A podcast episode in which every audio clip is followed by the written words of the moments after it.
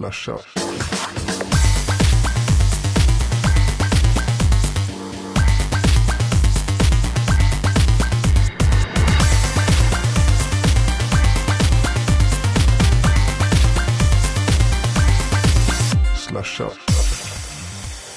Hej allihop och eh, hjärtligt välkomna till ännu ett avsnitt av Slashat, din machete i teknikdjungeln. Vi har uppnått den eh, högaktningsvärda åldern av 58 avsnitt. Eh, still going strong. Eh, Tommy sitter där borta, Jesper heter jag och eh, vi är tillbaka efter en förvånansvärt slashat-influerad helg, är det inte så? Ja, det var, det var, det var röv upp på benen i kors tänkte jag säga. Det var, det var full rulle på Retrospelsmässan här i Göteborg. Och det var väl en, en succé för NESDB.se kan man väl säga, va? Det känns så. Du kan väl berätta lite om hur, hur dagen började, så ger vi en liten minirecension av dagen. Ja, och som, som trogen slashat-lyssnare så har du ju såklart redan sett videon som finns på Youtube eller youtube.com slashat.se. Där kan ni klicka er in och så mm, ser ni hur fint vi tassade runt i Göteborg och gjorde det osäkert. Vi började dagen med att ta två snabba öl på Vasastan. För att, eh, jag vet inte varför vi satte oss där först, men vi hade tio minuter över. Det gjorde då att vi blev tio minuter sena till eh, eventet då. Och när vi kommer dit så tittar vi på en jättekö som var utanför något kulturhus eller något och vi skrattade lite högaktigt och sa vilken tur att det är på Musikens hus i Majorna. Stod raska ner där jag och Jesper glada i hågen och så är det stängt där nere. Ja, då var det inte Musikens hus. Det var på Kulturhuset. Det vill säga den här jättelånga kön. Um, så vi kände väl ganska omgående där Jeppe att uh, ja, det, alltså det, det, var så populärt så det var en in, en ut och då var det ungefär två timmar. Så vad gjorde vi då Jesper? Jo, vi stod där och beundrade längden av kö och eh, hur, hur ultrarapid den rörde sig i. Eh, runt där någonstans så dök eh, våran eh, lyssnare och eh, vän eh, Jonasson upp. Precis. Eh, du kanske minns honom från Wordpress-specialen. Eh, han hade beställt sig där någonstans längst tillbaka i kön, men tyvärr stod det redan någon där. Så vi kom fram till att eh, vi, vi hade ju tänkt från början gå på mässan, sen eh, chilla lite med några öl. Så vi vände på hela den steken och gick och tog ett par öl. Och så tänkte vi att ah, vi tar det där lite senare. Så vi satt väl och eh, drack lite pilsner på något sunkigt tak i närheten i en två och en halv timme eller någonting. För att glida dit sen. Även eh, Kottkrig, eh, våran Nexus One-reporter, eh, följde med oss och även Klarkan, en vän till oss. Så um, Knarkan är det inte Klarkan, det, det brukar han få höra. Klarkan med L, så har vi fått sagt det också. Precis. så sen så fick vi faktiskt glidit in på det där stället. Eh, skulle ha varit där. Jag tänkte gå dit, eller vi var där vid tre ungefär. Eh, men vi kom nog inte in för en kvart i sex någon gång tror jag. Och eh, det var ett intressant ställe Tommy. Ja, det var var faktiskt... Det, det var alltså barndomsminnena sköljdes över en som en våg. Det var jättebra arrangerat. Jättesynd på lokalen att det var så, så liten. Det, till nästa år så kanske ett tips kan vara att man faktiskt har kanske lite förköpsprincip eller någonting. Det var bara 40 spänn att komma in. Men har man förköp så får man en ärlig chans kanske att eh, göra en snabb liten uppgradering av lokal. För att Jeppe sa där i förshowen att om du skulle ta ett högervarv runt lokalen, tom lokal, så skulle det ta 20 sekunder. När du gjorde det nu så var det ja, uppåt en halvtimme tog det att ta sig runt där. För det var så tjockt med folk och det var tävlingar på eh, samma ställe där de hade eh, vad heter det, begagnad försäljning. Och det var ju någonting faktiskt som om, om ni är intresserade av retrospel så, så har ni missat någonting definitivt. Ehm, för ni, man kunde få tag på Secrets of Mana till Super Nintendo. Man kunde spela en Virtual Boy. Ja, en riktig Virtual Boy kunde man få spela där och känna på den. Och det var ja, och köpa t-shirtar och allting. Så det var jättebra arrangemang. Synd, på så, synd att det kom så mycket folk kan man ju inte säga. Men det var överhuvudtaget jättekul. Och ledsen till alla lyssnare som kom och ville träffas där inne. Det, det, det, det var svårt att styra upp det helt och hållet. Vi, vi lovar att eh, till nästa gång ha någon form av eh, meetup som inte är inne på mässan utan faktiskt utanför. Helt enkelt. Men ska, ska vi nöja oss där med Retrospelmässan och två tummar upp då till eh, nesdb.se för ett eh, väl arrangerat eh, arrangemang. Ja, och vi lär väl eh, definitivt göra ett eh, nytt besök nästa år och eh, jag kan nästan garantera att de har en betydligt större lokal då. Och då ska det inte vara några problem. Och eh, filmen som är 10 minuter lång, som jag och Jeppe filmar runt från eh, lördagen då, tillsammans med lyssnarna, finns, eh, kommer finnas i shownotesen. i den här showen. Det låter väl som ett bra ställe att lägga en sån länk. Precis. Vi har en stående punkt i programmet som heter eh, Veckans poll. Eh, och eh, även veckans poll blir gammal och varje vecka så får vi alltid en veckans poll som blir förra veckans poll. Och för att vara fair och rättvis så börjar man denna rapportera vad förra veckans polls resultat blev. Kommer du ihåg frågeställningen från förra veckan? Det, alltså, vi, vi, vi lyckades väl ha det, ha, få det att ha att göra med retrospel, va? Det kan man faktiskt säga. Mhm. Frågan i sig är inte så intressant. Den är egentligen vad hade du som liten? Eh, det, här, det är ju kopplat till att Amiga då är på gång att släppa en, eh, ny, eh, en ny dator helt enkelt. Och då gick vi tillbaks lite sentimentalt och funderade på gamla tv-spel som, eh, som dök upp. Och eh, om man då kollar på resultatlistan där vi hade vi hade Sinclair ZX Spectrum, vi hade VIC-20, Atari, Commodore 64, Amiga. Ingen eller annan. Så kan man... Ursäkta mig nu. Så att jag något i halsen här. Eh, om vi tar och tittar på förra veckans eh, resultat. Så kan man säga att eh, Commodore 64 vann överlägset. Med 37,4 procent.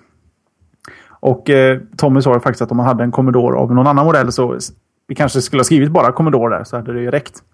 Men eh, ja, 37,4 procent på Commodore. Amigan på 31,5 procent. Ingen delar plats med annan på 22,4 procent. Sen har vi 11,7 procent på Atari, 8,55 procent på en VIC-20 och eh, 7,48 procent på en Sinclair. Ehm, känns det som att det stämmer med hur det såg ut i stugorna när vi var små? Ja, definitivt. Det var väl inga, inga kioskvältare här. Eh, Jag röstade själv på Commodore 64 och Amigan.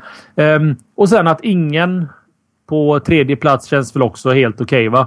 Med tanke på att eh, vi har många, säkert många lyssnare som inte var med i matchen på 80-talet och 90-talet. Så det är helt okej. Sinclair, Jesper, måste ha svidit till, va? Eh, ja, alltså jag känner inte till särskilt mycket om den. Jag är bara glad att det fanns någon som hade den. För det var inte en sån du ville spela på Retrospelsmässan? Nej, du blandar ihop det med min eh, eh, obsessiveness över att spela lite Intellivision. Intellivision var det ja. Okej, ja, ni som undrar vad vi pratar om här kan helt enkelt se på klippen från Retrospelsmässan. Jeppe har en tår i ögat och en, och en fylla i bak i bakfickan eh, och berättar att han saknar sin Intellivision på Retrospelsmässan. Jag har bara ägt en Intellivision i 45 minuter. Det är min första tv-spelsupplevelse någonsin. Jag hade verkligen hoppats att se det på en retrospelsmässa. Så kan man säga. Provar du Virtual Boyen? Det gjorde jag faktiskt. Det är första gången jag provat den. Jag var faktiskt lite imponerad över hur hur fräckt det där var. Ja, För alltså, om man tänker i retro, eh, retrovägen. Å andra sidan, vilka andra riktigt 3D-spel spelar vi idag? Liksom? Ja, men exakt. Och det var, och det var helt... Det var okej 3D också. Man fick nästan den här lite... Jag tänkte säga avatarupplevelsen. Det var definitivt inte. Ja, nu ska det- vi inte ta i så vi skiter ner oss här. Men jag kan tänka mig att hade jag fått tillgång till en sån Virtual Boy när jag var, eh, var hur gammal jag nu kan ha varit, eh, 15 år gammal, 95. Så hade det förmodligen varit en liknande upplevelse som jag hade i vintras när jag såg Avatar. För det var ju 3D-ish. Nej, det är ju en sorts 3D som bygger på en, en, en annan sorts teknik än den som används i Avatar. Eh, anamorfisk 3D kallas det här. När man använder färg istället för polarisering som i eh, Avatar-fallet. Men eh, principen är ungefär densamma. Att båda ögonen får se två olika sorters bilder. Right, Men det var häftigt i alla fall. Häftigt var det. Ska vi se, ska vi gå in på veckans poll då så, vi, så det goda folket vet vad de ska rösta på? Eller vill du spara det till ditt ämne som har lite med det att göra? Nej, eller ja. You decide. I don't care. I decide. Eh, då tycker jag att vi kan ta det direkt här då. Eh, vi kommer att ha ett ämne senare i showen som handlar just om det att eh, att McAfee kanske har krånglat till det för sig själva. Och då kommer man ju osökt in på antivirusprogram. Eh, som ni kanske vet, ni som har lyssnat på showen ett tag här, så varken jag eller Jesper har ett antivirusprogram idag. Vi tycker att det inte behövs om man bara vet vad man ska pyssla med på interwebset. Eh, men har du ett antivirusprogram? Skit i vilket det är. I bästa fall inte McAfee då. Så frågeställningen är jätteenkelt. Använder du något antivirusprogram? Helt enkelt. Så ja eller nej. Det är väl de frågeställningarna. Vi behöver inte ha så mycket mer alternativ Jesper, va? Det räcker väl så? Blir det inte enklare än så och det går inte att komplicera så mycket mer än så. ska du ta oss rätt in i första ämnet för den här veckan Jesper? Så vi kickar off den här showen. Det kan jag väl göra.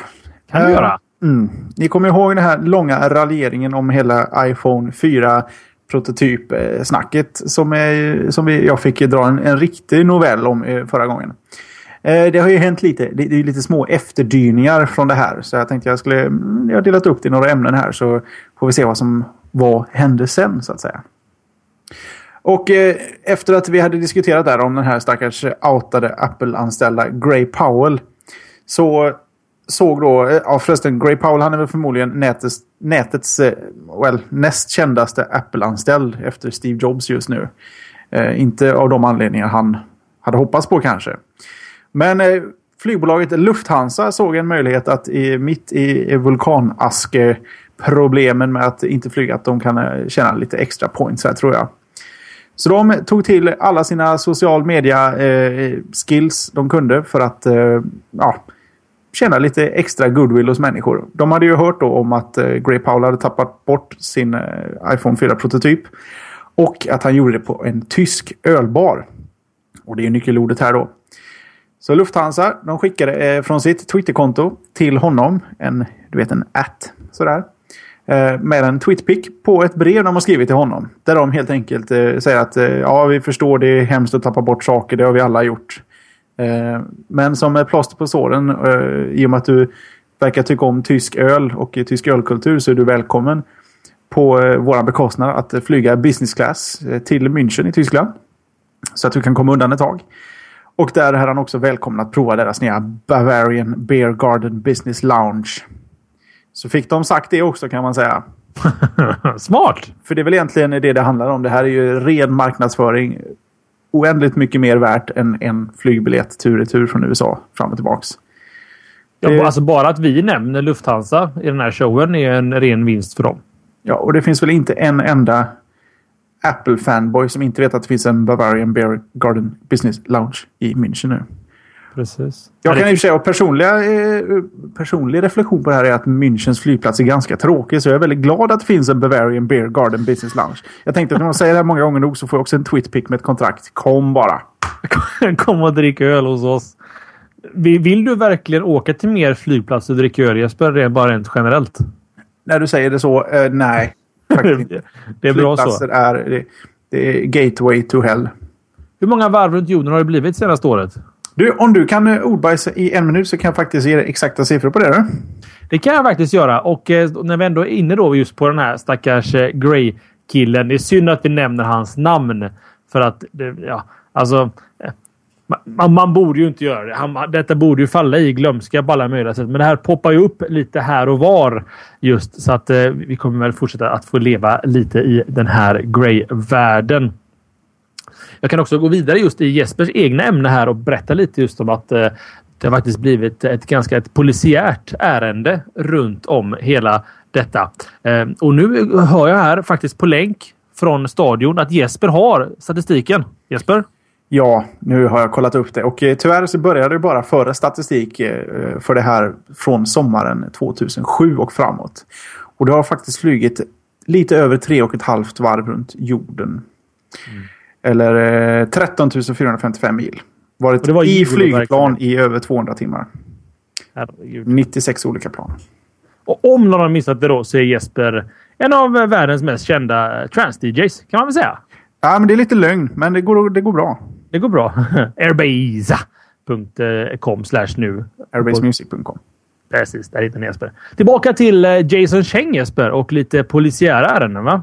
Ja, precis. Uh, som jag sa, dimman den har ju börjat lägga sig lite för just det här iPhone 4-prototypgrejen. Uh, men uh, det, det var liksom inte riktigt över där för Gizmodo. Uh, Apple skickade en sån officiell request att få tillbaka sin telefon. Och i fredags så var Jason Chen, som jag förstått det, ute med sin flickvän eller fru. Käkade, kom hem och så har det, står det ett gäng och grottar i hans hus helt enkelt eh, efter prylar. De har varit där i flera timmar och gjort en husrannsakan. Eh, slått in dörren i och med att han inte öppnade. Han var inte där. Och det är då React-teamet. Eh, som då står för Rapid Enforcement Allied Computer Team. Så det är en sån sorts data-nissar med, med pistol antar jag.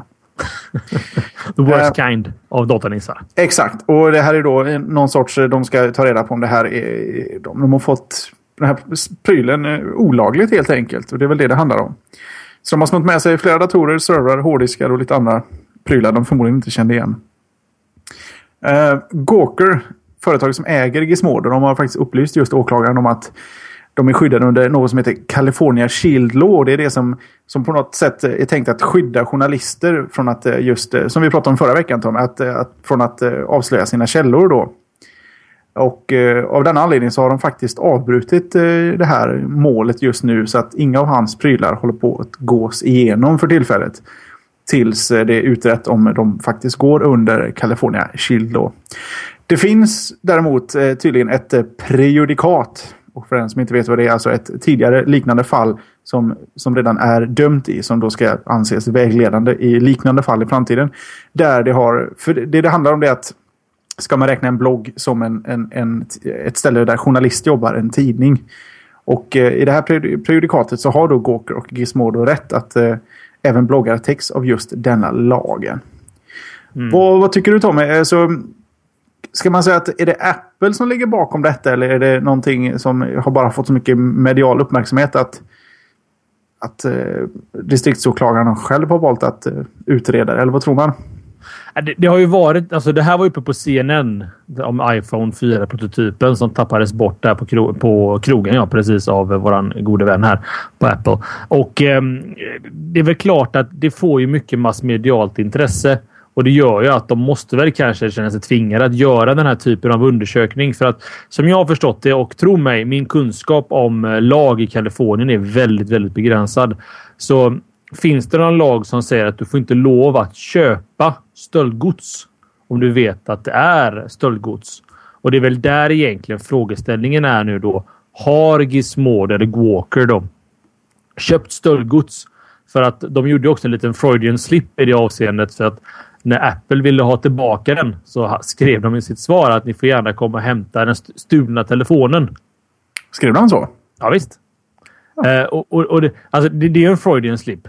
den, den, är ju, den är ju stulen, garanterat. Det, det, finns ju massa, massa andra sajter som har skrivit om det här. Jag menar, I alla sunda människors sinnen, hittar du en telefon på krogen så ger du den till bartendern på krogen.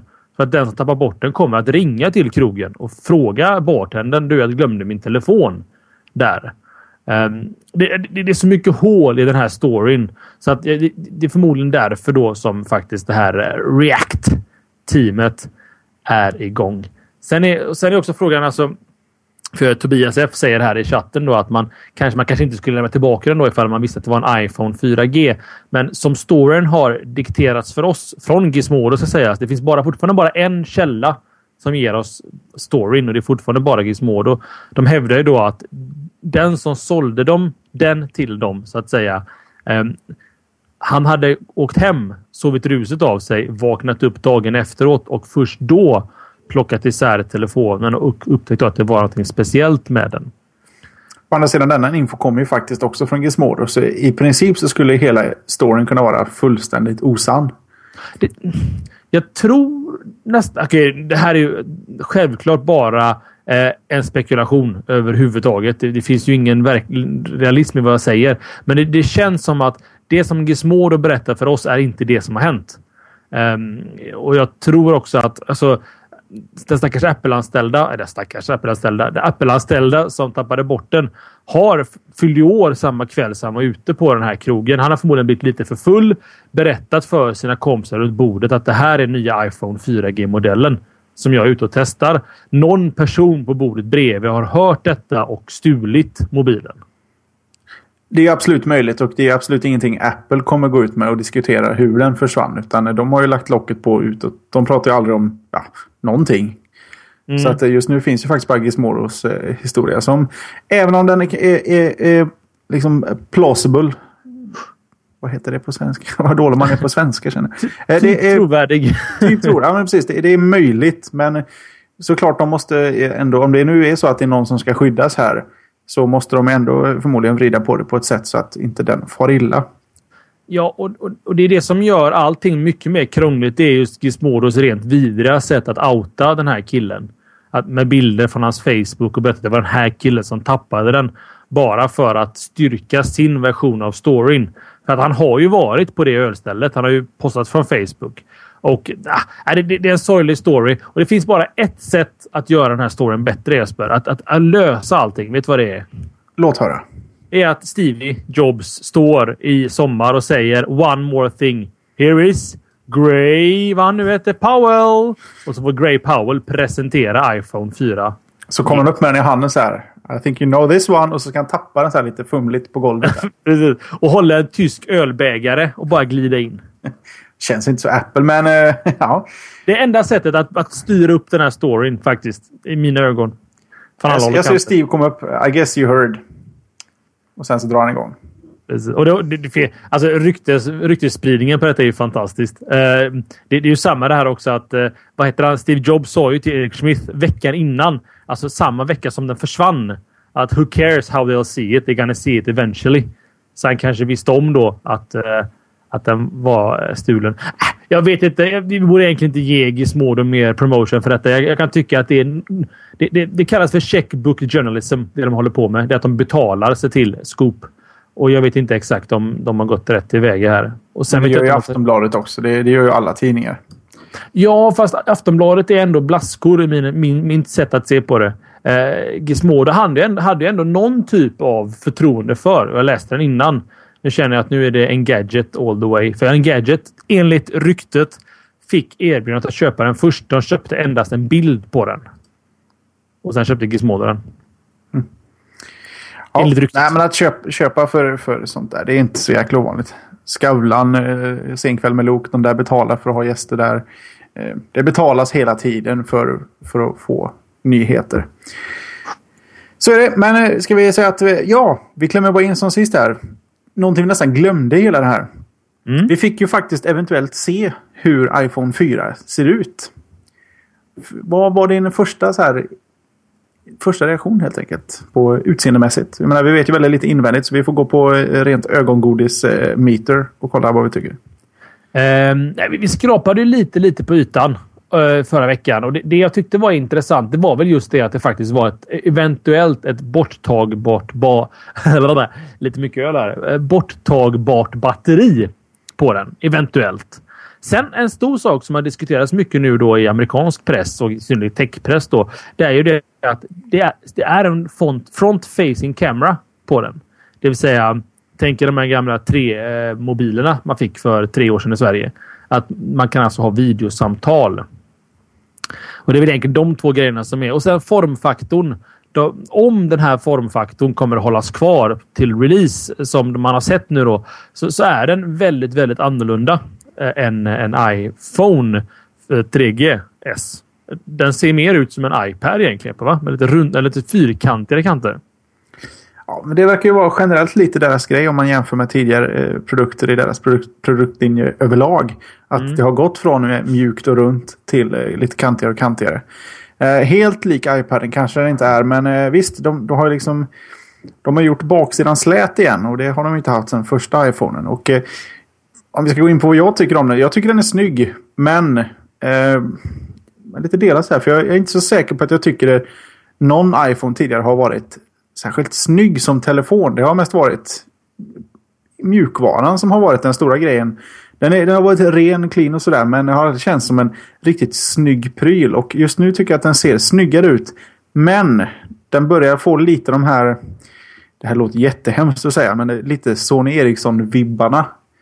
Um, men visst, jag tycker ändå det ser modernare ut nu. Jag tycker att de som har varit har sett lite även på ett ganska subtilt sätt leksaksaktiga ut. Om man får säga så. Och sen har jag väldigt svårt för att den är, är kurvad under till. Det, har jag, det tycker jag inte om. Så att nej, jag tycker det ser schysst ut. Och sen kan jag också meddela att det är nu tydligen eh, bekräftat att det inte var ett utbytbart batteri i den. Så... Ah. BAM! Bam! det hade vi glömt av. IBAM. Ja, nej. Ska, vad säger du Jeppe? Ska vi, ska vi lämna de här, den här spekulationen bakom oss för i alla fall för dagens show och tassa vidare? Nog om det. Kör på. Eh, igår, måndagen, så var jag helt ointresserad av Spotify. jag är ju en av dem som faktiskt övergav Spotify och studsade vidare till Grooveshark. Eh, så jag var helt ointresserad när jag vaknade i morse av Spotify. Om man får säga så. Det är inte så att jag vaknar varje morgon och tänker hmm, undrar vad som händer med Spotify då. Men eh, ointresserad i alla fall. Eh, och så såg jag en liten tweet att eh, nu händer det saker på Spotify-sidan. Och det gör det Jesper. Uh, idag så släppte faktiskt nämligen Spotify sin nya version uh, som har döpts till 4.3. något. Vad som gör det här väldigt intressant. Det är helt enkelt att Spotify nu tillåter dig att lägga till lokal musik in i Spotify. Tänk dig iTunes med ett, ja, egentligen världens största streamade bibliotek av musik som du betalar en månadspeng för. Um, de har också gått... Jag ska snabbt bara berätta lite här om vad som, kommer, som finns i den nya versionen. Och också någonting som kallas för den sociala Spotify där du kopplar upp ditt Facebook-konto rätt in i Spotify. Och Det funkar så snyggt då att du får upp mina Facebook-kompisar som har Spotify-konton och har kopplat Spotify till Facebook i en liten meny till höger. Så kan jag klicka på Jeppen Söderlund där och vips så ser jag hans favoritlåtar och de eh, playlist han har valt att dela ut. Ett dubbelklick och jag lyssnar på den musiken han tycker om. Eh, någonting annat också som de drog i den stora eh, klockan med. Det var helt enkelt att eh, man kan ha en inbox då så det ska vara lättare att dela musik. Så att man, jag kan skicka en, en låt till Jeppe genom Spotify-nätverket till Jeppes inbox. Men det som definitivt gör Spotify riktigt bra igen och faktiskt så till den milda grad att jag gjorde en 180 blir det ju rätt om. Eller 360. Nu kommer jag tillbaka där jag började. 180. Ja, en 360 som stannar kvar vid Groove Shark egentligen. Mm. Eh, nej, en, en 180 och eh, faktiskt köpte mig ett premiumkonto till Spotify. Och det är just biblioteksfunktionen jag har ett ganska gediget eh, MP3-bibliotek som jag samlat på mig genom åren. Och eh, Det var det som gjorde att jag överhuvudtaget stannade kvar i iTunes. Dels för all den musiken jag köpt därigenom och dels genom musik jag rippat från skivor och annat. Och, och det finns alltså all, alla kan ju inte All musik finns ju inte på Spotify. Så enkelt är det. Det finns obskyra artister. Eh, Luke hette tidigare Psycho Beta Backdown och var ett lokalt eh, Uh, vet du de? Uh, Göteborgsband. Ja, från Partille var de väl till och med? va? Ja, det kanske de var. Det är sant. Jag menar, Spotify kommer aldrig ha deras skivor. Men jag har dem, för jag ägde dem för tusen miljoner år sedan. Uh, och även Beatles, som Egnell säger här i chatten. Um, och, det, och det är ju just det att nu kan jag få in de låtarna i min Spotify. Och det gör det väldigt, väldigt intressant. Ska jag släppa in dig lite här Jesper? Och du har inte hunnit känna på det här paketet va? Nej, alltså som jag förklarade för Tommy här under dagen när vi diskuterade det här är att jag har lyckats få så mycket att göra på jobbet de senaste, vad blir det nu, tre, fyra månaderna. Att jag har på något sätt helt slutat lyssna på musik och podcast, någonting. Och, och ju mindre koppling man har till det, alltså till och med iTunes, jag har ju fått en ny dator på jobbet också. Inte ens det biblioteket, eller ja, den iTunesen är fylld med låtar. Så att har liksom ingen riktig koppling längre till, till musiken. Vad jag däremot alltid har tyckt är att Spotifys eh, playlisthantering är fullständigt värdelös. Och eh, det här var en av de funktionerna som jag faktiskt krävde om jag någonsin överhuvudtaget skulle överväga att gå till Spotify. Att man kunde på något sätt kombinera det hela på ett sätt. Mm. Så att eh, så sätt gör de ju absolut eh, riktigt stora steg i rätt riktning. Eh, någonting de kanske borde jobba på är andra av programmet eh, egentligen Eh, ekonomin bakom. För att eh, jag läste om eh, flertalet bolag som har hoppat av Spotify för att de helt enkelt inte får tillräckligt bra betalt. Så att snart får det nog börja bli dags för dem att se till att det där genererar pengar innan alla lämnar det där skeppet.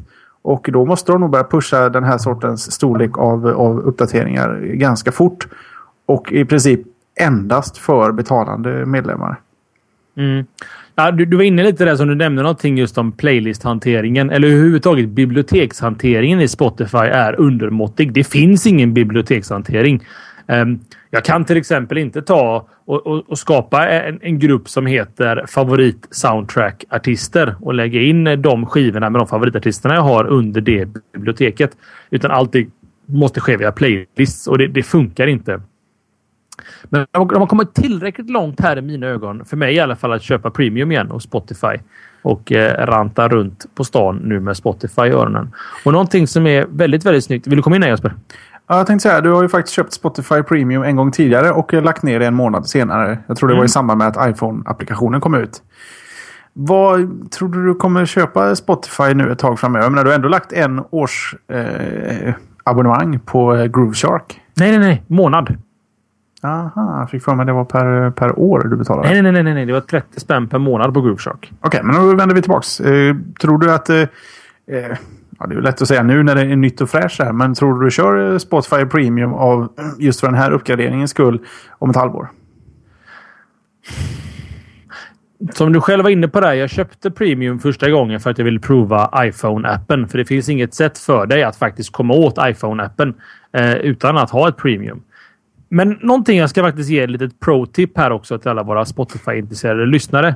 Det är just det att eh, eftersom Spotify nu läser av din dator på, efter musik så kan en, en ganska smart människa slänga upp ett VPN-nätverk med till exempel Hamachi för att göra det så enkelt som möjligt.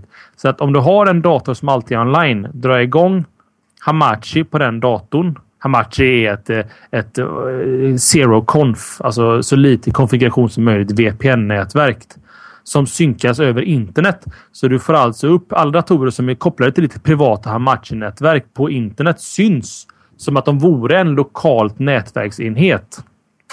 Och jag kan confirma att det funkar utmärkt med Hamachi. Jag gör det själv nu och då kan jag spela musik. Musik som jag har på min dator hemma som alltid är online kan jag spela på min dator på jobbet via Spotify.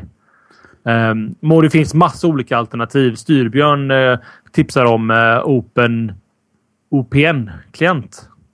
Vad nu det kan vara. Kanske menar OpenVPN av något slag. OpenVPN. Så att, eh, så att eh, ja, det, det, det, finns massa lösningar för att synka upp det. För Spotify synkar inte din musik mellan datorerna. Det finns ingen möjlighet. Jag har 32 gig med musikdata. Det, det funkar liksom inte att synka upp det. Men någonting den gör jävligt snyggt, det är just det att man till exempel... Eh, ni vet ju att man kan ha offline playlists. Det innebär att du kan synka ner låtar från Spotify som läggs krypterat på din hårddisk så du kan spela dem även utan internetanslutning. Uh, och uh, vad det innebär helt enkelt är att man kan uh, man kan också synka de offline-playlisten på din mobiltelefon. Och så på så sätt kan du synka dina lokala dina lokala låtar kan du synka upp på din mobiltelefon och faktiskt lyssna på dem på mobilen. Men även lyssna på hela deras bibliotek via 3G. Kan man säga. Hängde du med överhuvudtaget där Jesper? Ja, ja det är som du och jag diskuterade också under dagen här. Eh, jag hade gärna sett att det fanns någon funktion där du kunde streama det du lägger till utan att behöva hålla på med hela den här synkprocessen. Jag förstår hur du tänker. Att alla människor helt plötsligt ska börja ladda upp all sin musik. Men eh, det är inte så långt ifrån vilken cloudtjänst som helst. Spotify har ju förmodligen ordentligt med diskar och, eh, och eh, linor ändå. Det vore ett sätt att... Jag vet inte. Ja, det, det är tillbaka till samma problem som jag har i iTunes. Flera datorer. Allting borde bara vara i synk. Och mm. om Spotify ska vara lösningen på problemet så måste den faktiskt ha... Det spelar ingen roll vilken Spotify du har någonstans. Du ska alltid ha all din musik oavsett var den ligger ursprungligen tillgänglig. Och du ska även kunna sitta på, eh, på en stubbe mitt ute i skogen med knapp 3G-täckning och faktiskt kunna spela en låt du glömde synka fyra veckor tidigare innan du gav dig iväg på semester.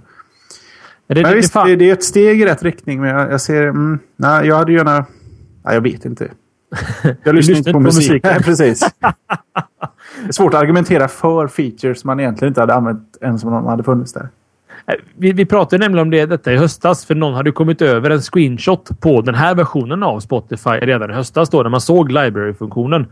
Och då sa vi det att det bästa Spotify kunde göra, det är att man får köpa Tänk Dropbox-tänket. Jag får köpa 10 gig i Spotifys molnnätverk där jag får lägga upp min musik som bara jag kommer åt. Men jag kommer åt det från vilken dator som helst i världen som, där jag är inloggad med mitt Spotify-konto.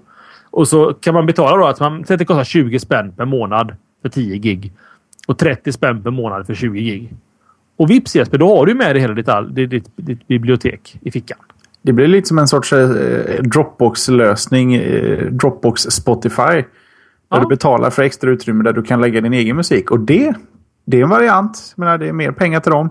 Eh, jag menar, 20 spänn för 10 gig i månaden på ett år. Eh, det är bra pengar för lagringsutrymme. Antaru tipsar om namnet Dropify.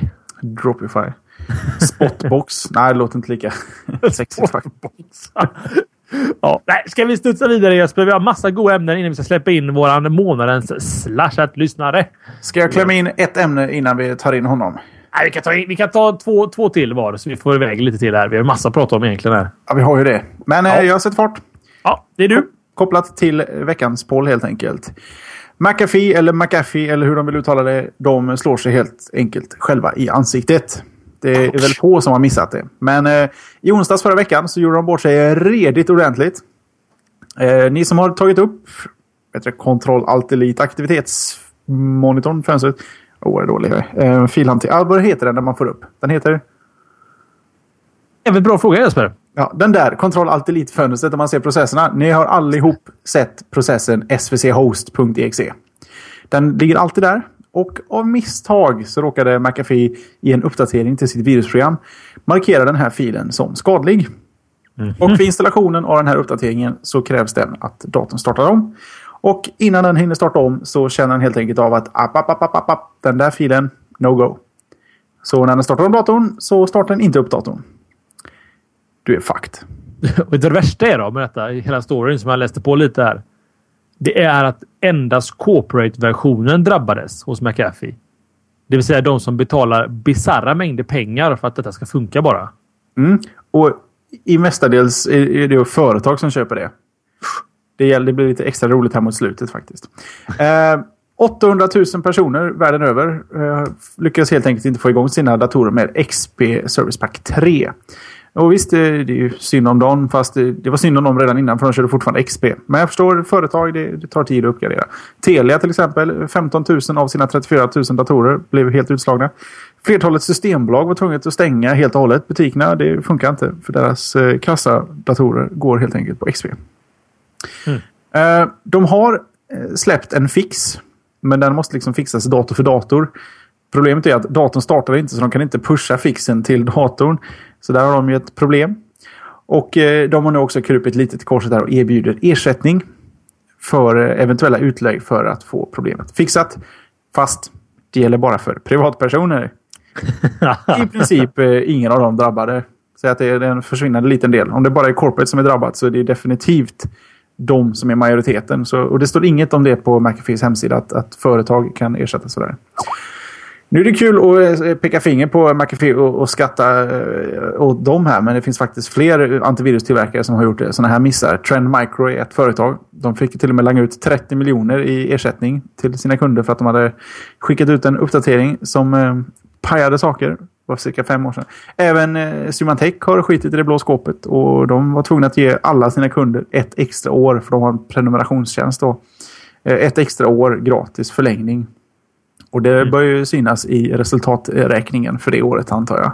Så att visst, de är inte ensamma, men det är ju en jävla stor miss alltså. Ja, det, det, det är skamligt. Det måste finnas eh, tillräckligt många säkerhetssystem som ska blinka rött för att det här ska kunna hända.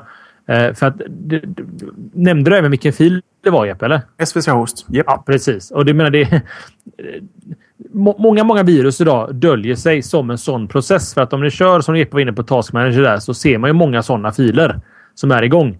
Eh, Så att de måste ha en bättre kontroll på det där. Det får, detta får inte hända. Eh, Och sen frågar många i chatten här varför man har XP i kassaapparater. Det har att göra med att XP är ett väl använt eller väl testat system. Det, det funkar helt okej. Eh, Plus att utvecklingskostnaden för de specialskrivna programmen de kör i sina kassasystem är så pass dyra och utvecklat. Det behöver rulla ett tag innan. Eh, man kan hålla på och byta. Man kan inte köra in ett kassasystem Vista och så kommer en sjua helt plötsligt. Då får man göra om allting från början. Och så vidare. Så att de, eh, det är faktiskt inte särskilt ovanligt att, att sådana här organisationer och företag och myndigheter sitter på ganska så gamla OS. Just för att få hela utvecklingen av de specialprogrammen att gå runt. Och framförallt är det som Antaro säger i chatten här att kassaapparater är ju kassaapparater. Det är sant. Det är också det enda svenska ordet med tre stycken dubbelbokstäver i rad. S-S-A-A-P-P. Camilla. Fantastiskt. Vet ni det? Kan vi notera det till nästa vecka Jesper? Kan vi ha någon form av förhör på det kanske mot slutet? Ska du få höra mig på ordet kassaapparaten nästa vecka? Våra lyssnare Jesper. Våra Ah, lyssnare. okej. Ja. Vi, vi har några korta ämnen till. Det, det blir aldrig korta ämnen i vår familj. Så månadens lyssnare sitter i bakgrunden och skvalpar lite. Släppa in han här om några minuter. Men vi ska prata lite om eh, Facebooks otillräcklighet den här veckan. Ehm, innan jag går in och börjar ordbajsa om detta så vet säkert många av er om att jag kör själv en tjänst som heter likebot.com. Eh, like robot. Eh, ja, det är lite wordplay där. Eh, som gör egentligen exakt samma som Facebooks gillar-knapp gör. Det vill säga att du på ett snyggt och smidigt sätt kan få en schysst liten tumme upp eller tumme ner i din blogg eh, för att folk ska välja då om det, är bra eller dåligt, ditt blogginlägg. Så innan jag går in på detta så är jag lite subjektiv i det här avseendet. Eh, men jag är också väldigt, väldigt insatt i hur detta funkar. Så att jag är väl en, en förhållandevis trovärdig källa. Så trovärdig att GP faktiskt citerade mig eh, i tidningen. Hur som helst, till in grejen då. Facebooks gilla-knapp. Skitbra! Fantastiskt roligt. Vad kul att dina besökare på din sajt kan eh, gilla det du skriver om. Eh, tekniken funkar ju som så att du klistrar in då eh, lite JavaScript-kod på din sajt och eh, vips så har du den här lilla tummen upp. Vad som däremot är lite oroväckande med detta och någonting som jag bloggade lite om. Det är just det att eftersom Facebook använder en så kallad iframe för att visa den här knappen så laddas iframe-innehållet från facebook.com. Okej? Okay? Alla är med på det. Inga svårigheter egentligen. Problemet med det är att om du är inloggad på Facebook och har stängt ner din webbläsare så har du en cookie som får lov att läsa alla, all data som kommer från ja, stjärna.facebook.com. Det är så cookies funkar. Domain cookies. Det innebär alltså att om du går till Expressen.se idag, kollar på en artikel där samtidigt inte har loggat ut från Facebook. Så när Facebook laddar den här like-knappen via iframen så får den kucken då på datorn prata med den like-knappen och kan koppla ihop sajten du är på till ditt Facebook-konto. Är det krångligt? Det innebär helt enkelt att passivt kan Facebook logga allt som du är inne på på internet så länge de har Facebooks like-knapp. Och det är redan eh, Wall Street Journal, det är redan eh, New York Times, det är redan Aftonbladet. Det är redan Aftonbladet kan jag inte svära på i och för sig. Men det är Expressen och många andra sajter som har börjat använda den här knappen. Och vad Facebook gör med den här datan, det vet vi inte idag. Men det är inte helt osannolikt att man kanske kan tänka sig just det att ja, hänger du mycket på Expressens sportbilaga så är du väldigt intressant för Facebooks annonspartners att de får veta det. Att eh, Tommy hänger mycket på Expressens sportbilaga. I synnerhet så läser han mycket om Zlatan. Han är förmodligen intresserad av Herregud, nu, nu gräver jag en grop här. Spelar han i Inter? Jag ska inte fråga dig Jesper. Nej, du ska verkligen inte fråga mig. Du, du kan vara helt, helt lugn. Fel person. Du är den sista personen jag ska fråga. Han spelar i alla fall i italienska ligan. Eh, eh, Barca, eller Barcelona. Tack så mycket. Hela chatten står och skriker på mig här. Han har spelat Inter, han har spelat Ajax, han har spelat i Malmö FF. Och det är spanska ligan. Barcelona. Eh, så är man förmodligen intresserad kanske av att ha och köpa en, en annons med en bussresa ner till att se en match med Zlatan. Farligt. Detta. Tycker jag personligen. Eh, och, eh, har, har, du läst på lite om detta Jesper? Eftersom jag tvingar dig att läsa eller proofa mitt blogginlägg. Ha, ha, tycker du att detta är ett problem? Alltså, som någon sa någon gång på någon sajt eh, någon gång att eh, har man inget att dölja så, så är man safe på nätet oavsett. Och eh, jag är en sån där, jag är en sån riktig, du vet, eh, Gloria surfar runt och är så pryd och, och ordningsam. Så att jag liksom har inget att dölja när jag surfar runt. Men visst, eh, å ena sidan, det är kul att få reklam som faktiskt är intressant. Just när det, det, ska vara intressant när man verkligen, om de kan lyckas lista ut att jag går här och funderar på om jag ska köpa en, en viss tv till exempel. Det är ju schysst att få reklam då för tv istället för Viagra. Jag lär inte behöva det på ett tag, om vi säger så.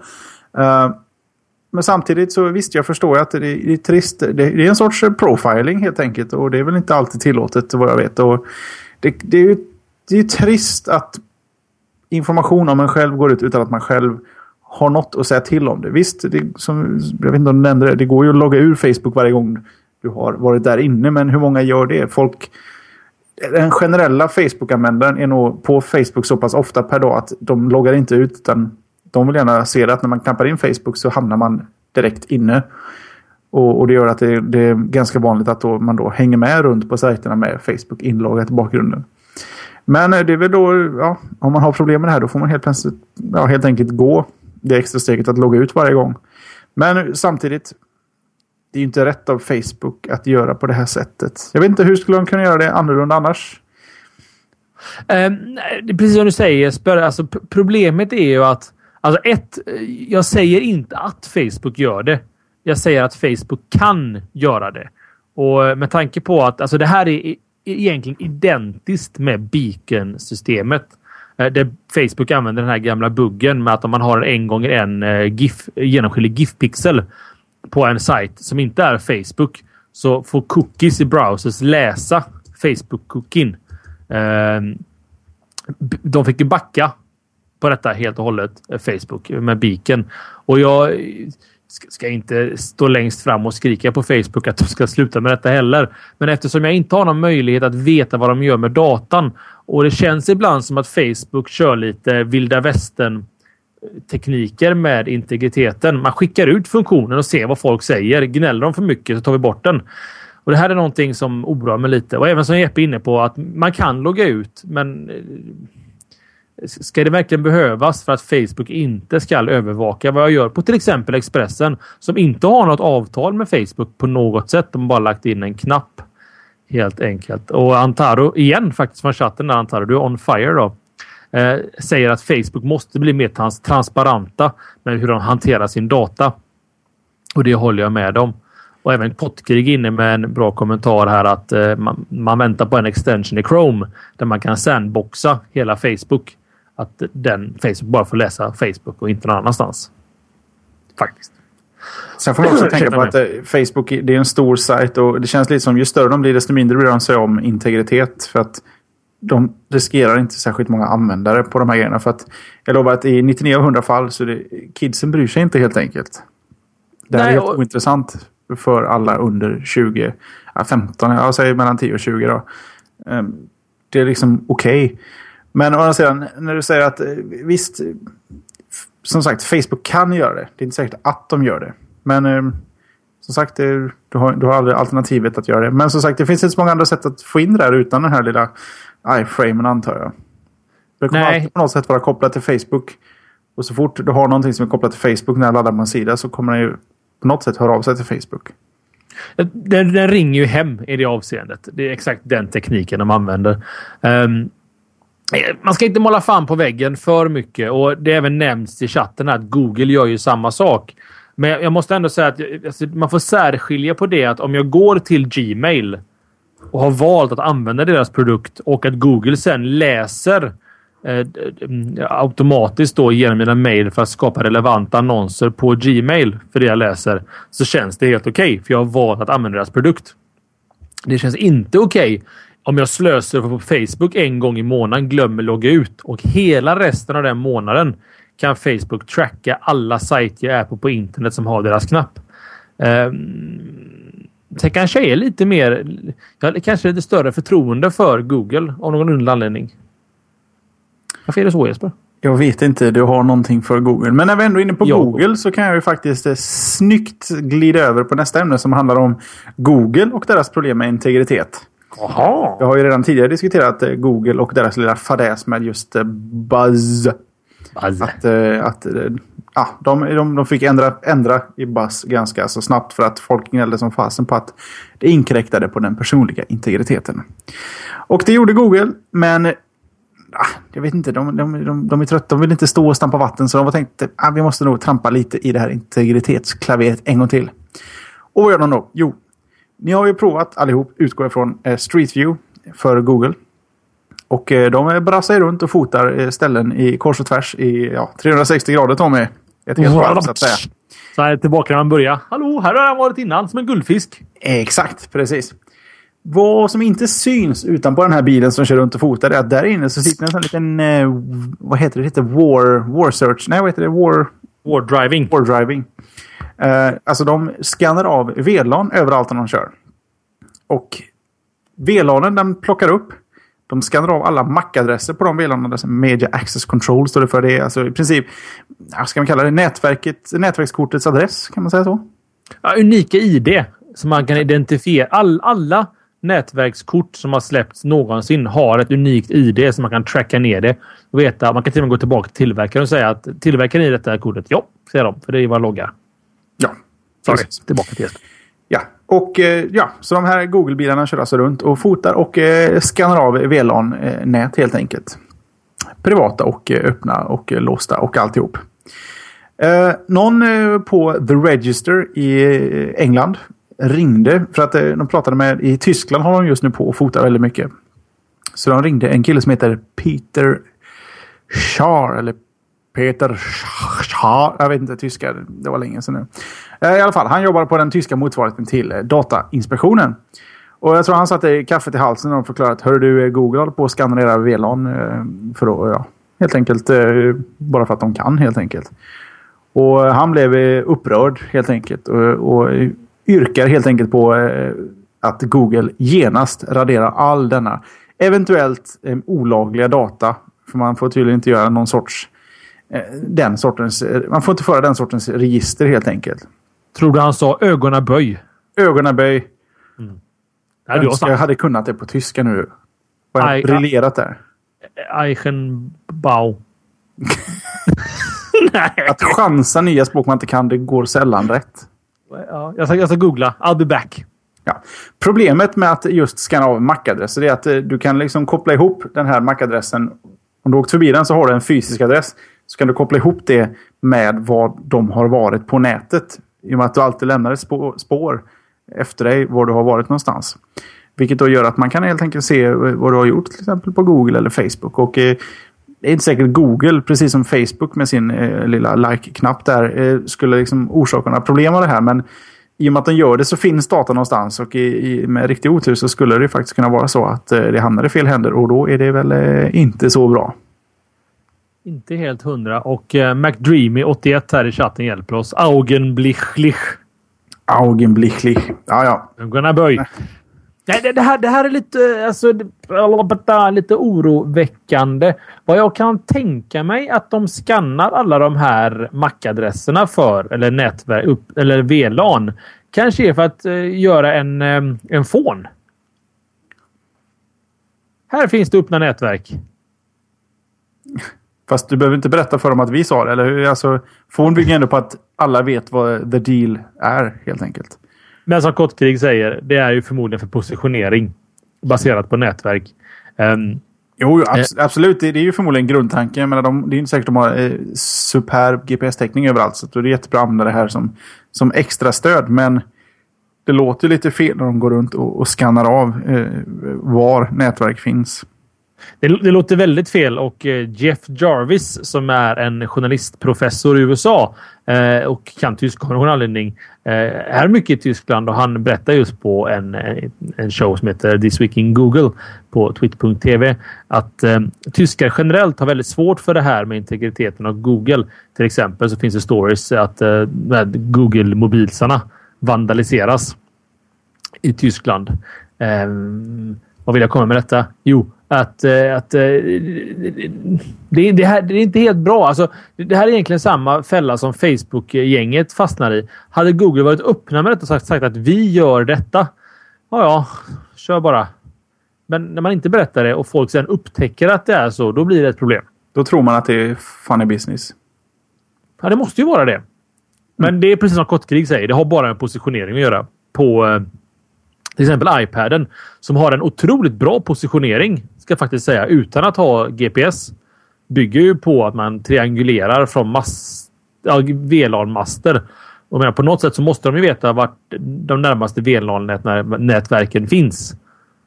För att kunna positionera utifrån dem. Så det är väl samma teknik där helt enkelt. Så är det med dig Jesper. Är du nervös för Google Jesper? Nej, inte mer än för Facebook och för, jag vet inte, John Lund. Jag kör bara. Ju, fler, ju mer data vi har, desto bättre. Jag tycker han är John Blund är lite lurig. inte det här så här 70-talsfjollerier som bara hänger kvar? med John Blund. Jo. Mm. Det var ett barnprogram jag minns på 70-talet. Då fanns inte jag. Men! Det kan finnas en person som levde på 70-talet. Samma person som faktiskt kommer att eh, presenteras här som veckans eh, eller månadens slashat-lyssnare. Från alltså- John till Johan kan man säga. Från John till Johan, ja. Och eh, månadens slashat-lyssnare, det är alltså någonting som vi på redaktionen här gör så att eh, vi reachar tillbaka till er lyssnare så att ni faktiskt får vara med i showen. Och det är något som faktiskt Johan kommer få vara med om här. Och i bästa fall så finns Johan med oss. Jag finns absolut med. Hallå Tommy, hallå Jesper. Tjena tjena och eh, välkommen eh, till eh, slashat.se som är månadens eh, ja, andra i ordningen. Du, tyvärr har vi haft han som var först ever. Nu är du ja, tvåan, är- tvåan är alltid första förloraren höll jag på att säga. Det där. Men eh, nej, men det är kul Det är kul. att vara tvåa ändå. Jag menar, king, king level, det är svårt att slå honom. Ja, han, är- han, är- han är lurig den här rackaren. Han är ju ändå king level. Tommy älskar tvåan höll jag på att säga men det blir så fel. oj oj oj. Sorry Vi har guys. bara en explicit tagg. Den räddar oss om och om igen. Ja, usch. Ja. Ja. tillbaks till... jag kanske klipper bort det sen. Ja, Ja. Fortsätt. Eh, I alla fall, välkommen hit. Tack. Tack. Och eh, hur, vilket eh, alter ego går du under kan man säga i chatten? här? Eh, jag går under alter egot Leitet, eller det är väl inget alter ego, det är helt enkelt mitt efternamn. Så att Johan Leitet eh, är fullständiga namnet då. Det är så. Det, jag trodde faktiskt det bara var något eh, du... Ja, sånt där man hittar på för, för chatt och sådär. Det skulle kunna vara det, men det är eh, ett taget. Jag, jag, jag fick det på köpet kan man väl säga när jag gifte mig. Ja, men det, alltså, det är ju, du, du, du, från, från där och framåt så var du liksom redo för nätet och, och chatt Precis, och forum precis. helt enkelt. Du behöver inte slåss för det användarnamnet antar jag. Det, eh, nej. ja, nu kanske jag behöver det. Nu kommer folk att regga det här på eh, Överallt. massa an- Ja, precis. Att jag, jag inte ska få det. Eh, jag, jag, hade, jag tog ju inte det på Spotify. Det, var lite, det, det märks ju nu eh, att eh, det är många som har lite skumma användarnamn på Spotify. De outas ju lite nu eh, i och med det här mm, nya. Ja, just det. Man ser ju faktiskt genom Facebook-connectionen där vad, de, vad man kallar sig på, på Spotify. Ja, jag såg någon på Twitter som hette Bajssamlaren eller vad det var. och det har ju varit rätt privat innan. Ja, vä- väldigt privat. Eh, Frågan är bara hur man kom på det namnet. Om man satt där och sa fan också Johan Eriksson eller Kalle Bengtsson var upptaget. Då tar jag nog Bajssamlaren för att det, det känns runt och bra. Eller så har man bara en unik hobby och på det sättet så har man alltid ett öppet alias var man än registrerar sig. Så jag menar, kör du det så behöver du aldrig oroa dig för att ah, alias taken. ja, Nej, jag vet inte. Jag sp- spekulerar högt och lågt. Jag vill minnas att jag har sett eh, Latet i chatten under en ganska så lång tid. Du har varit med oss ett tag, är det inte så? Eh, i- inte, inte från början, det har jag inte varit. Eh, jag hakade väl på i eh, ah, runt sensommaren, tidig höst. Kan det, jag, jag har funderat lite på när jag började lyssna på er och jag var för mig att det var något Apple-event där omkring.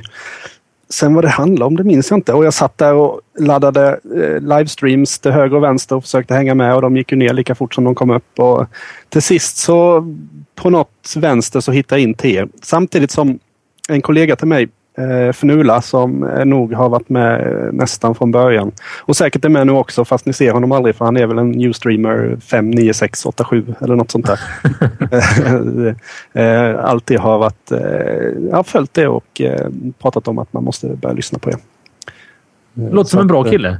Mm, precis. Så att, men, men där någonstans, något live-event tror jag och sen, så, sen var jag fast och sen gjorde jag den där grejen och började liksom från början och lyssna på eh, alla shower från början. Och, ja, Det verkar, vara tydligt, det verkar vara ett tydligt mönster vi ser. Att folk hittar oss eh, inte helt ovanligt genom våra live-event. Och sen när de har lyssnat färdigt på det så får de någon sorts, okej, jag måste tillbaks. Och så kör de från början och lyssnar på då aktuella nyheter som i efterhand är, alltså jag vet inte, rätt ointressanta. Kan jag tycka. Jag, har ju kommit på mig själv ganska många gånger att man, man, man blandar ihop live-eventet med det här man, man lyssnar på när man lyssnar i kapp och så, så börjar man fundera, men det här är ju inte så jäkla nytt. Nu, nu. Men på det sättet så vet man, man- sedan. Det här är avsnitt 58. I 57 avsnitt kan man alltid sitta och lyssna och veta bättre. Som, Ja, exakt. när vi pratar, spekulerar i framtiden och sådär så, så vet du redan. Man har liksom redan hunnit ikapp. Precis. Så att eh, och du, om, du, om du är tvungen att välja, anser du dig vara en live-lyssnare eller en podcast-lyssnare? Nej, jag är live-lyssnare. Nej, så, så gott det går. Nu har jag två barn och det är lite krocka med läggdags och sådär så att ibland får man eh, slåss eh, nästintill med barnen i sängen samtidigt som man försöker lyssna. Så att, eh, då får man lyssna kapp lite på, på eh, podcasten om man missat. Varför föredrar du att lyssna live istället för att plocka ner det som en podcast? Jag menar, eh, rent, rent praktiskt sett så är det ju mer det är bekvämare att kunna lyssna på det när man vill. Det är väl rätt skönt att få komma ifrån en tisdag och dricka lite öl och ta det lugnt. Eh, en ursäkt helt enkelt? Ja, det kan det nog vara. Sen har, man ju, sen har det blivit en liten grej också. Det är ganska mycket studenter och sådär. Jag jobbar ju på, på Linnéuniversitetet som, som lärare och det är ganska många med i chatten som är studenter. Och då, det blir väl en liten grej och så, så ja, träffas man där på tisdagar. Du hänger där kidsen är helt enkelt? Precis. Antaro till exempel som, som har varit med lite idag. Eh, ja, väldigt bra kommentarer för den killen faktiskt. Tobias. Och, ja. Um, all right, du nämnde att du var lärare alltså eh, på eh, Linnéuniversitetet då i Kalmar om jag inte är ute och snurrar va?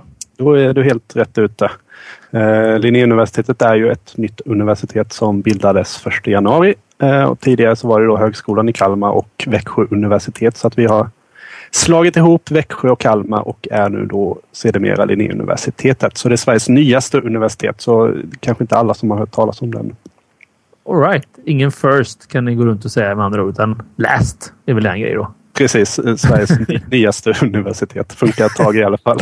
Det, det, låter också bättre än Sveriges senaste universitet. Ja, först med det senaste. Nej, senast med det först. Senast med det nyaste. Mm. Precis. Så, så, som jag förstod så är det också en inriktning just på IT där va? Eh, vi har ju eh, i, i Kalmar då så har vi alltid haft en data, data IT-avdelning då. Eller datavetenskap informatik som eh, vetenskapsområdet heter. Eh, och nu har vi fått, eh, även då i Växjö har man ju haft de här områdena så att vi har gått ihop och bildat en enhet nu då, Kalmar tillsammans med Växjö. Men eh, det, man är ju fortfarande kvar i Kalmar, alltså i och med att man man har jobbat med de kollegorna länge och de studenterna så är, så, så är man ganska bunden till Kalmarbitarna. Och eh, där har vi lite utbildningsprogram och sådär. eh, vi fokuserar väl ganska så hårt på att försöka vara ganska så praktiska och liksom eh, försöker hänga med i nya tekniker så, så mycket som det går och inte sitta i med gamla utkörda tekniker bara för sakens skull. Eh, vi får en fråga här också från eh, livekanalen. Kan man plugga IT-forensiker på Linné? Det, det, tror jag in, Nej, det kan man inte. Det är bara Upps, är det Uppsala som har det eventuellt. Eller kan? Nej, det kan man inte. Känns det inte som en påbyggnadskurs också? På något sätt? Eller? Det känns som en magisterutbildning. Någonting som man läser efter en dataingenjör eller något liknande. Eller en IT-teknikerutbildning eller något sånt där. Får jag fråga vad det är du lär ut för någonting? Alltså ditt, uh, ditt uh, huvud, det du brinner för och I uh, lär ut i.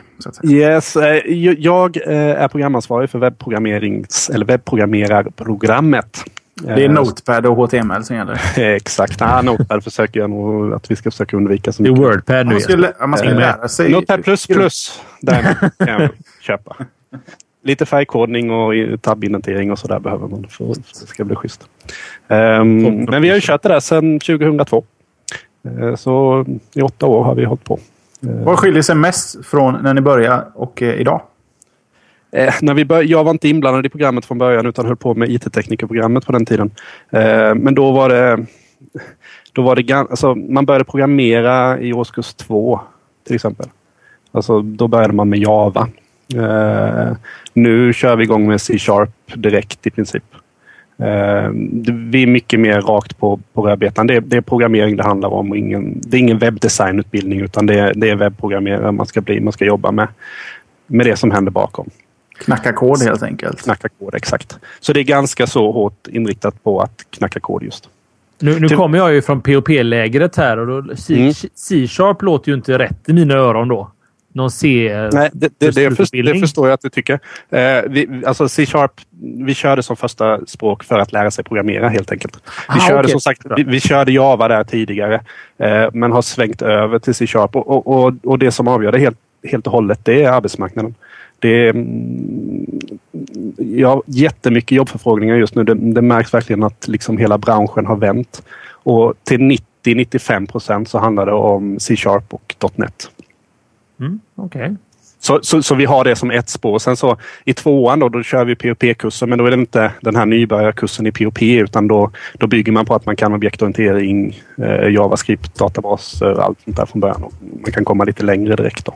All right, okej, okay, då hänger jag med. Och eh, no någonting som jag förstår att eh, eh, ni är ganska utvecklade på också, det är att distansutbildningar är väl någonting mm. ni har igång va?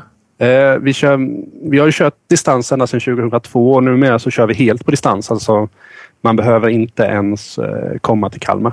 Utan man kan, vi har studenter från, jag vet inte om Neil är med i chatten till exempel, som har pluggat från, från Kina och vi har eh, från Tyskland och sådär. Svenskar som, som studerar utomlands och, och läser hos oss. Så nu kör vi Alltså under det här året eller de senaste åren så, så har vi streamat ut allting, alla föreläsningar live. Då.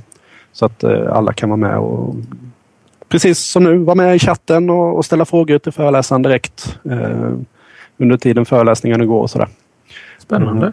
Och eh, ja, nästa steg som jag tror på och som börjar komma nu och, och tittar man på USA så jag menar Idag så kan du gå in på MIT och, och, och, i princip kolla på hela kurser därifrån med liksom världens bästa föreläsare och, och, och kika på hela, hela, hela kurser. Och, och det, det, det, har inte hänt så mycket i Sverige på den biten, tyvärr. Utan det är ganska inlåst och det, det, är lite så för oss också nu att man, man sitter bakom sina intranät och eh, öppnar inte upp sig. Men det, det, är väl där det kommer att hända ganska mycket det här året nu. Att, att universitetskurser kommer att läggas upp som Creative Common och vem som helst kan gå in och kika och, och sådär. Och sen, alltså, så kunskap ska ju vara fri? Precis, så att jag hoppas väl att kunna köra lite kurser mm. under nästa år helt, helt öppet. Då. Om man vill lära sig lite mer eller läsa på lite just om uh, Linnéuniversitetet, vart går man då? Vart, vart finns ni på intrawebben? Um, om man vill läsa om Linnéuniversitetet så finns vi på lnu.se. Uh, eh, och vill man läsa om webbprogrammerare så finns vi på webbprogrammerare.se. All right. Um, Lätt att komma ihåg. Ja, precis. Och vi har ju till exempel så har vi har ju IT-teknikerprogrammet också. Vi har ju Linux-professorn som brukar vara med här. Nu vet jag inte var han har tagit vägen idag, men eh, han, han undervisar på det programmet. Men det är ju mer inriktat mot Tommys grejer eh, kan mm. man väl säga med servrar och routrar och switchar och lite Cisco och lite sånt där. Men det är sjukt spännande, för jag tror att väldigt många av våra lyssnare skulle vara ganska nyfikna på att... menar, har man hamnat på och lyssnar på Slashat så är man garanterat intresserad av just de här bitarna. Och jag menar, är man eh, runt 18-19 och funderar på vart ska jag ta vägen nu efter skolan här så kan ju inte bara Linnéuniversitetet utan alla universitet, Chalmers och alla andra kanske kan vara Exakt. intressant. Det, det, alltså, man, man ska ju ta chansen också. Man ska, man ska läsa runt. Man ska titta på, liksom, googla, kolla vad studenter tycker om utbildningar. Eh, alltså det, det, finns ett jättesmörgåsbord att välja av idag. När jag pluggade eh, runt, jag började väl 97.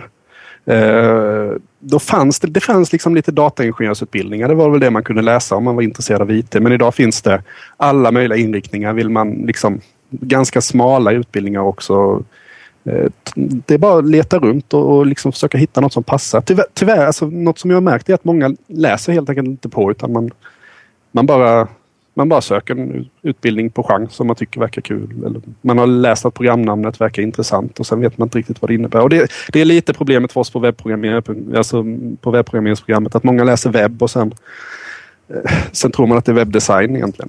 Man vill mm. hålla på med design och, och sådär. Visst, det ingår ju men det är inte det det handlar om riktigt.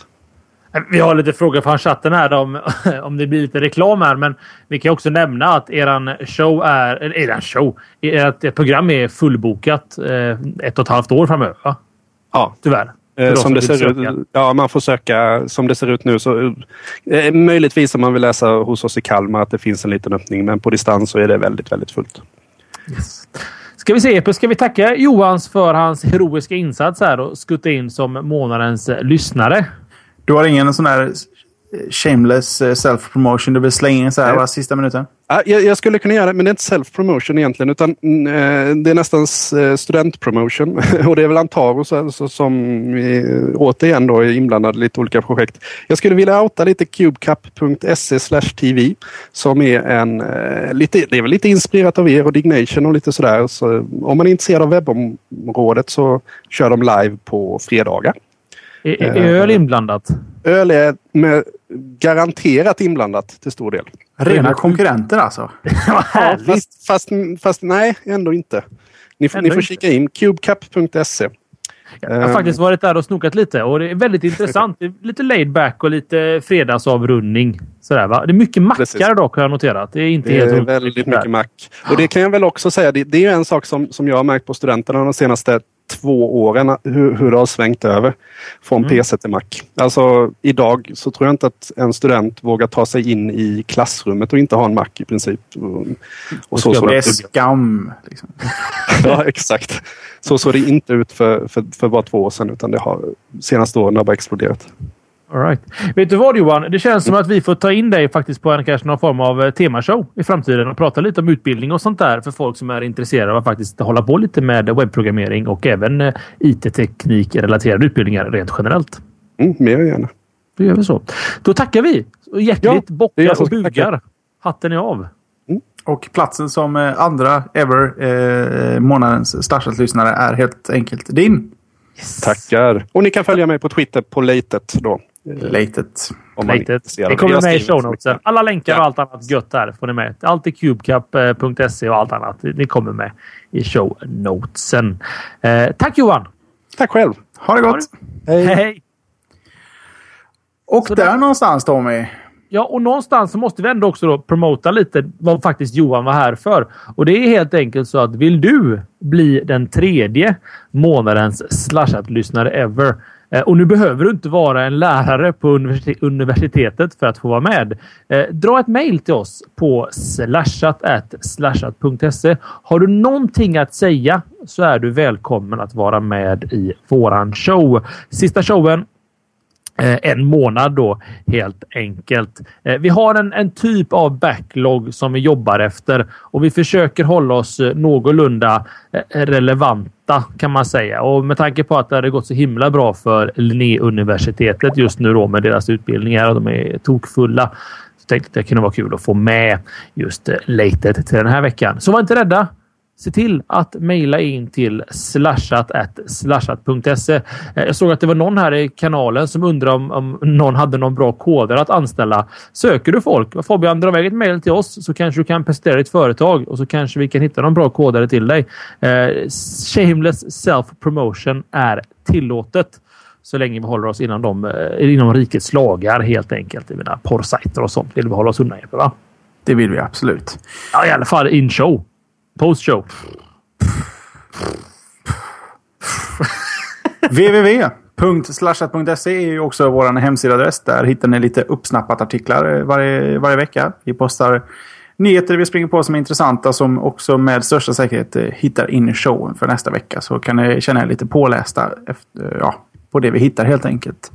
Ni kan också följa oss på twitter.com slashat. Vi finns på facebook.com slashat.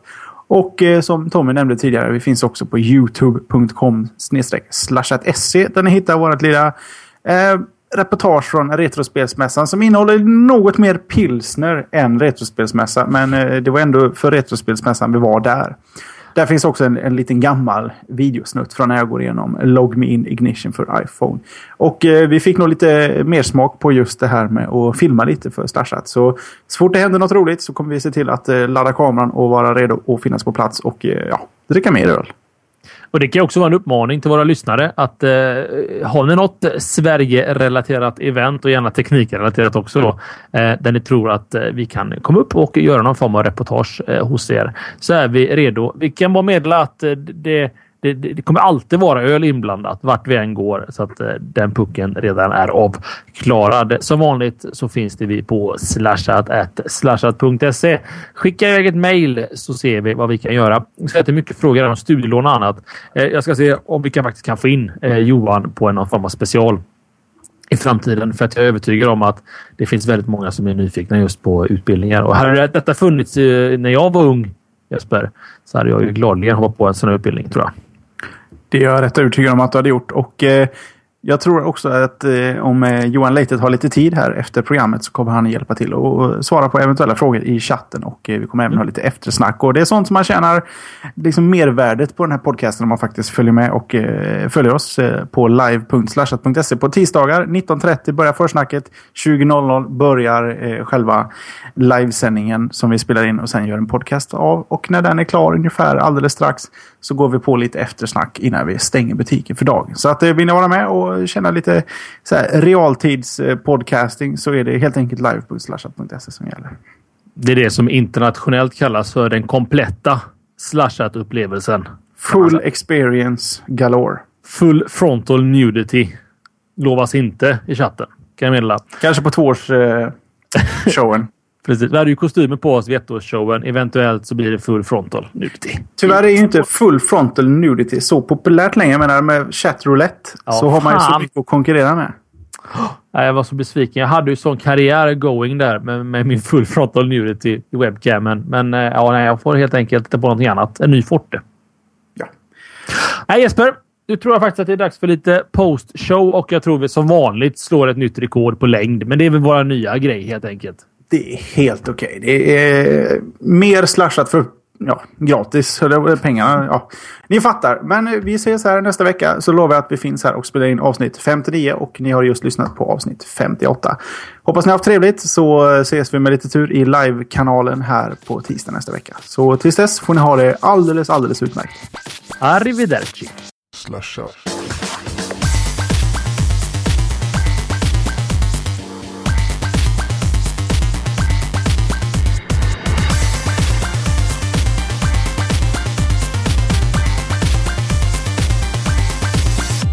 Slasha.